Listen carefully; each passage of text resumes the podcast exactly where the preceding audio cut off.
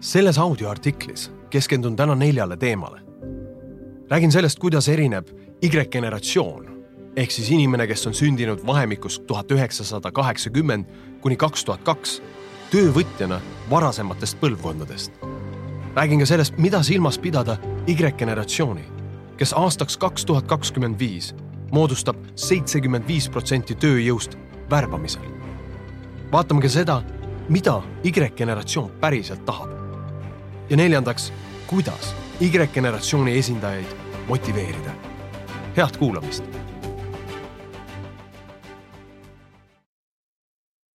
aastaks kaks tuhat kakskümmend viis moodustab Y-generatsioon seitsekümmend viis protsenti Eesti tööjõust. kui juhid ei mõista selle sihtgrupi eripära, tähendab see organisatsioonidele märkimisväärset produktiivsuse kadu see audioartikkel on kirjutatud ja sisse loetud tuginedes ühe maailma suurima uuringute organisatsiooni Gallup pidevalt täienevale infokogumile Y-generatsiooni kohta. Y-generatsiooni esindajad tahavad tunda, et nende tööl on mõte. soovitakse töötada organisatsioonis, millel on päris missioon. ja peamine eesmärk ei ole vaid raha teenimine, vaid kus raha on vahendiks, millega finantseerida teekonda põneva või ülla või ägeda või hullu või mingi olulise eesmärgini. Gallup on leidnud, et ainult kakskümmend kuus protsenti Y-generatsiooni esindajatest väidab, et on kuulnud seitsme päeva jooksul kedagi aga organisatsioonis rääkimas, kuidas on nende töö seotud siis missiooniga. pisut suurem hulk, umbes kolmkümmend neli protsenti, ütleb, et on viimase kolmekümne päeva jooksul kuulnud lugu sellest, kuidas organisatsioonil oli mõne kliendi elule või ärile positiivne mõju just sel põhjusel on missiooni sagedane kommunikeerimine organisatsiooni liidrite poolt äärmiselt oluline. mitte ainult sõnades, vaid ka tegudes, pidevas eeskujus, kuidas missiooni järgi elamine väljenduda võiks. Y-generatsioon väärtustab väga palju ka arengut. enamikku selle generatsiooni esindajast ei huvita see, millega töökohad end nende jaoks reklaamivad. äge kontor, peod, pingpongilaud, tasuta kohv või muu selline Nad ei ütle sellest loomulikult ka ära, kuid see ei pane neid pingutama. otsides töökohta on Y-generatsiooni esindaja jaoks kõige olulisem võimalus õppida ja areneda. samad märksõnad hoiavad seda gruppi ka olemasoleva tööandja juurest lahkumast. Y-generatsiooni esindaja ei otsi ülemust, vaid eratreenerit, kes teeks temast meistri. Enda kõrvale tahetakse kedagi, kes näeks töötajat kui inimest, mitte kui vaid tööriista Y-generatsiooni esindaja tahab oma juhiga rääkida enamast kui töö. paljud Y-generatsiooni esindajad aga ei tunne end juhi poole pöördudes nii mugavalt kui vanemad kolleegid ja hindavad seetõttu juhi isiklikku huvi eriti kõrgelt. Y-generatsioon ei soovi kord aastas toimuvaid arenguvestlusi, vaid pidevat kommunikatsiooni. see generatsioon on pidevas suhtluses tekstisõnumite, Facebooki, LinkedIni, Skype'i e, emaili, Twitteri, Instagrami, Whatsappi, Viberi ja kümne muu olemasoleva ja veel loodava kanali kaasabil. infovoog, milles see generatsioon viibib, on pidev ja lakkamatu.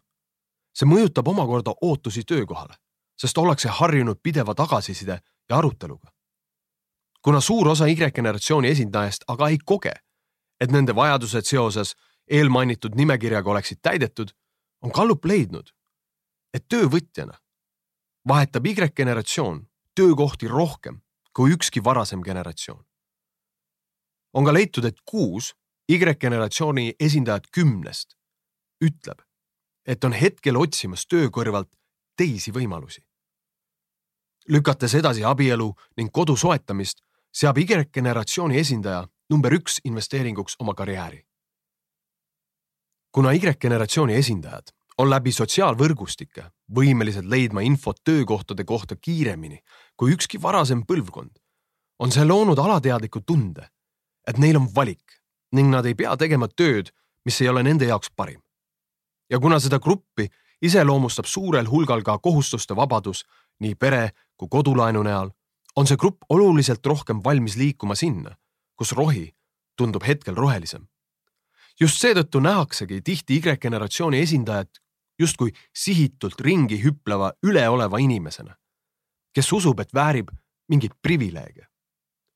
oluline on aga mõista, et inimesed, kes ei ole oma töösse kiindunud, tunnevad selle suhtes pigem ükskõiksust, kuid ükskõiksus ja üleolevus ei ole sünonüümid.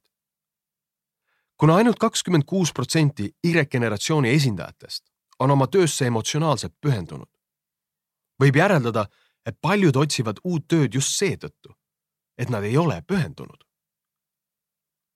suur osa Y-generatsiooni esindajatest ei soovi tegelikult töökohti vahetada, kuid organisatsioonid, kus nad töötavad, ei loo lihtsalt piisavalt põhjuseid, et sinna tööle jääda.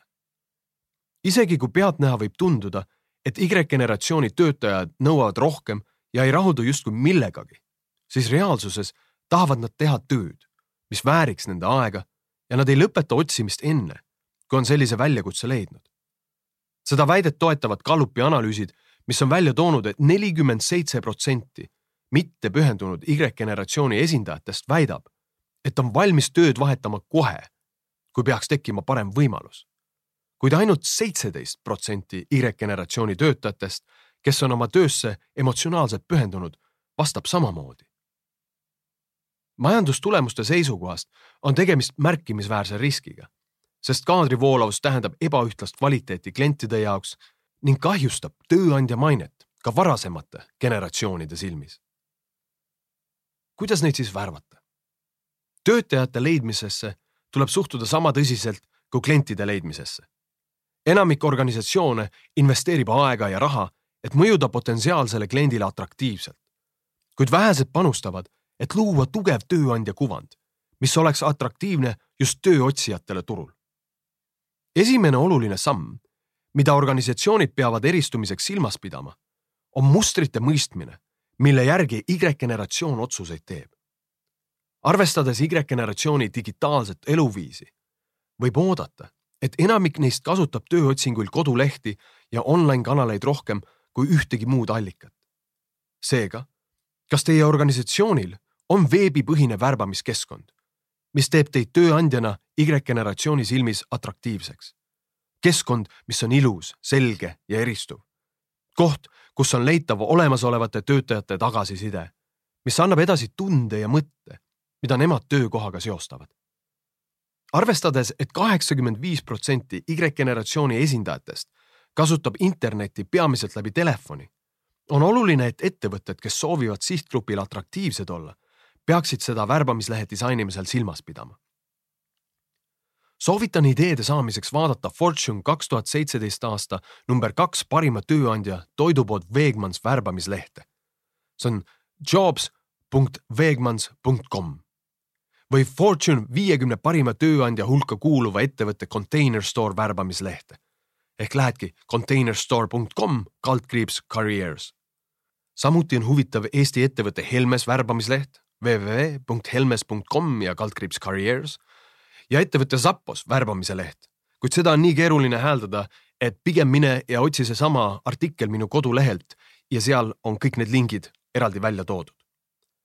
kuna Y-generatsiooni iseloomustab keskmiselt suurem virtuaalne sotsialiseerumine, on Gallupi andmetel väga tõenäoline, et see sihtgrupp küsib enne tööle asumist soovitusi olemasolevatelt või endistelt töötajatelt ning pöördub ka pere ja sõprade poole. see näitab, kui tähtis on teadlik ja süsteemne töö tööandja brändinguga ja see, et töötajad oleksid motiveeritud edasi andma, miks nad ettevõttes töötavad ja mida nad organisatsiooni ja selle juhtide juures hindavad nüüd tähtis on teada, et meelitada ligi tuleb päris sisuga. levib müüt, et Y-generatsioon eelistab organisatsioone, mis meenutavad rohkem kohvikuid kui traditsioonilist kontorit. Gallup on aga leidnud, et mitteformaalne tööatmosfäär on Y-generatsiooni jaoks kõige vähem tähtis kriteerium uue töökoha valikul. ainult viisteist protsenti Y-generatsiooni esindajatest väidab, et töökoha füüsiline atmosfäär on neile töövalikul äärmiselt oluline ja ainult kaheksateist protsenti Y-generatsiooni esindajatest ütleb, et peab töökoha valikul oluliseks lõbu. seega on Google'i kultuses kuulsaks saanud ronimisseinad ja videomängude ruumid oluliselt vähem tähtsad, kui arvatakse. seega, mida see Y-generatsiooni esindaja siis tegelikult tahab? esiteks, ta tahab võimalust õppida ja areneda.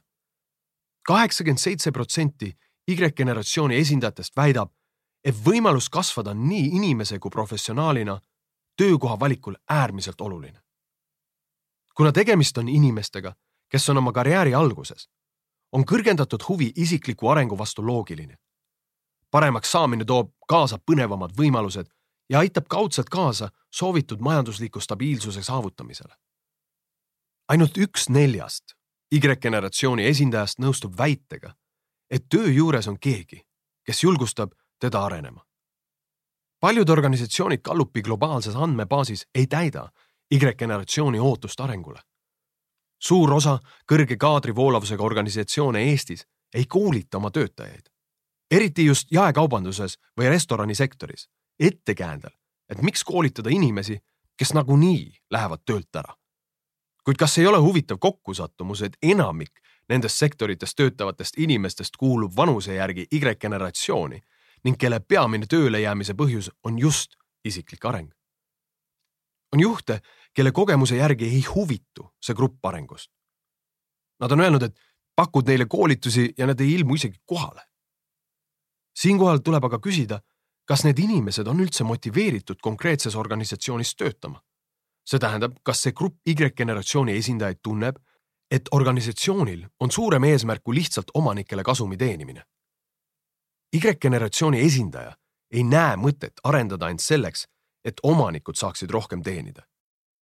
on ka juhte, kes arvavad, et töötajad ei peaks eeldama, et ettevõte investeerib nende arengusse, enne kui nad on välja teeninud usalduse ja tõestanud, et nad on sellist investeeringut üldse väärt. siinkohal on ilmselt oluline mõista, et Y-generatsiooni esindajate soov areneda ei tulene arvamusest, et nad väärivad teistsugust kohtlemist kui teised, vaid siirast soovist õppida uusi oskuseid, olla kasulikud ja kogeda, et nende elul ja tööl on mõte. sellest lähtepunktist vaadates on kurb fakt, et ainult kolmkümmend üheksa protsenti Y-generatsiooni töötajatest leiab, et on kolmekümne päeva jooksul õppinud midagi uut, mis aitab neil oma tööd paremini teha. alla poole Y-generatsiooni esindajatest annab maksimumhinde väitele, et on viimase aasta jooksul saanud töö juures õppida ja areneda. taaskord võib mõni juht kogeda ärritust. me ju koolitame oma inimesi. Nad ei tule ju koolitusele kohale või see on küll ikka igaühe enda probleem, kui ta aasta jooksul midagi õppida ei suuda. põhjus võib olla õppemeetodis, äkki on liiga kuiv, õppe läbiviijas liiga karm või õppe sisus liiga igav Gallup on avastanud, et Y-generatsiooni esindajad ootavad, et see, mida nad õpivad, oleks kasulik. kuid ainult kolmandik Y-generatsiooni esindajaid vastab maksimumhindega väitele, et viimane koolitus oli nende aega väärt. Kuigi osa arengust puudutab koolitusi, on juhi üks oluline ülesanne aja jooksul aru saada, kuidas iga üksik indiviid tema meeskonnas õpib ja vajadusel tagada just talle sobivad meetodid arenguks. ühe jaoks on piisav arengukäiviti see, et juht saadab talle emaili peale huvitavaid videosid või artikleid. teise jaoks on areng see, kui talle antakse mõni uus ülesanne. kolmanda jaoks on areng tõesti koolitus. Viiskümmend kaheksa protsenti Y-generatsiooni esindajatest väidab, et on äärmiselt oluline teha tööd, mis oleks huvitav. intervjueerides Y-generatsiooni töötajaid on juhile oluline võimalus tekitada kandidaadis entusiasm uue rolli vastu, rõhutades selle mõju klientide ja kolleegide jaoks ning maalides pildi sellest, kuidas tulevane töö on seotud kõrgema eesmärgiga, mida organisatsioon sihib. Iga tööd saab teha huvitavaks, kuid see nõuab juhti, kellel on isikuomaduste tasandil eeldusi ideede müügiks. Tallinna Tripadvisori number üks restoran Rataskaevu kuusteist juht Rain Tunger on üks selliseid juhte Rain ütleb uusi teenindajaid värvates potentsiaalsele kandidaadile, et ainus põhjus, miks restoran on ja jääb klientide lemmikuks, ei ole mitte toit ega atmosfäär, vaid see, et restoranis töötavad inimesed, kes muudavad maailma paremaks. Kõik, kes on selles restoranis einestanud, peavad tõdema, et Rain on suutnud teha stereotüüpselt mitte prestiižse ameti Y-generatsiooni töövõtjate jaoks hinnatud ja atraktiivseks. tavalised teenindajad tunnevad, et nende töö on ebatavaliselt tähtis ja tehes tööd, kus tuhanded igavlevad, tunnevad Rataskaevu kuusteist teenindajat hoopis huvi ja arenevad läbi oma tegevuste. samuti on Y-generatsiooni jaoks tähtis võimalus tõusta ja muuta oma positsiooni. see vajadus võib olla otseselt seotud sihtgrupi vanusega. Y-generatsiooni esindajad mõtlevad oma tulevikule ning soovivad teada, kas ja kuidas organisatsioon võimaldab neil edasi liikuda, kui nende oskused ja kogemus kasvavad. seetõttu on oluline, et juba esimese intervjuu käigus saaks tööotsija teada, mille järgi tehakse ettevõttes edutamisotsuseid ning mõõdetakse tulemusi. aga kuhu jääb värbamisel raha? Gallup ütleb, et raha on oluline absoluutselt kõikidele inimestele ning Y-generatsiooni esindajad ei eristu siin kuidagi teistest. kuidas Y-generatsiooni motiveerida, kui sa oled ta juba kord tööle saanud? hästi planeeritud värbamisstrateegia meelitab küll inimese kohale, kuid omab vähe mõju selle üle, kui kauaks see inimene jääb ja kui produktiivne ta on. Gallup on leidnud, et peamine Y-generatsiooni töövõtja tulemuslikkuse ennustaja on suhe tema otsese juhiga. Y-generatsiooni esindaja ei soovi enda kõrvale ülemust, kes käsutaks, vaid arengupartnerit ja coach'i, kes suunaks. efektiivsed juhid mõistavad fundamentaalseid inimmotivatsiooni nurgakive ning töötavad strateegiliselt iga üksikindiviidi potentsiaali maksimeerimisega. treenertüüpi juhid mõjuvad personalile justkui arengukiirendid nii professionaali kui indiviidina. ja just seda Y-generatsiooni esindajad ka kõige enam otsivad. tuleb välja et, et seitsekümmend kaks protsenti Y-generatsiooni esindajatest, kes nõustub väitega, et juht aitab mul seada arengueesmärke, on oma töösse pühendunud. see info näitab, et kui juht räägib töötajaga tema arengust, toob see kaasa selle, et inimene hoolib vastutasuks tulemustest, organisatsioonist, klientidest ja kollektiivist. Gallupi uuringud näitavad ka, et Y-generatsiooni esindajad nõustuvad märkimisväärselt väiksema tõenäosusega väitega, et nad teavad, kuidas järjestada oma tööalaseid eesmärke. võimalik, et võime oskuslikult tööd organiseerida kasvab vanuse ja kogemustega, kuid igal juhul on juhtidel selle info valguses oluline olla Y-generatsiooni töötajatele toeks nende lühi- ja pikaajaliste eesmärkide seadmisel. Gallupi uuringud näitavad, et pühendumus on kõige kõrgem nende töötajate seas, kelle juht kohtub nendega silmast silma vähemalt korra nädalas. nelikümmend neli protsenti Y-generatsiooni esindajatest, kelle juht kohtub nendega regulaarselt, on uuringute järgi pühendunud. suures pildis peaks juht püüdma suhelda iga alluvaga korra päevas Gallup ei väida, et see peab olema põhjalik vestlus, kus analüüsitakse pooleliolevaid projekte või muu selline. pigem on olulised sellised kohtumised, mis annavad töötajatele võimaluse jagada oma mõtteid, ettepanekuid ning esitada küsimusi, millele nad soovivad vastuseid. Need kiirkohtingud ei pea toimuma isegi silmast silma. kuigi igasugune suhtlus on parem kui mittesuhtlus, siis juhid, kes kasutavad kombinatsiooni kohtumistest, kõnedest ja emailidest, on Y-generatsiooni mõjutamisel kõige tulemuslikumad. see on hea uudis juhtidele, kelle alluvad töötavad kontorist eemal. muidugi ei tähenda see, et isiklikud kohtumised võivadki ära jääda, aga Gallupi väitel sobivad hästi ka vestlused Skype'i või mõne muu videotarkvara vahendusel. vestlused peavad puudutama enamat kui töö. kui juht loob keskkonna, kus töötajad tunnevad end oma vajadusi väljendades vabalt, suureneb töötaja pühendumus ning seeläbi tõenäosus ettevõttesse püsima jääda. Y-generatsiooni esindajad tahavad juhtidega rääkida lisaks tööle ka sellest, mis toimub nende elus väljaspool tööd. viiskümmend üheksa protsenti Y-generatsiooni esindajatest, kes arutab juhiga töösse mittepuutuvaid teemasid, on pühendunud.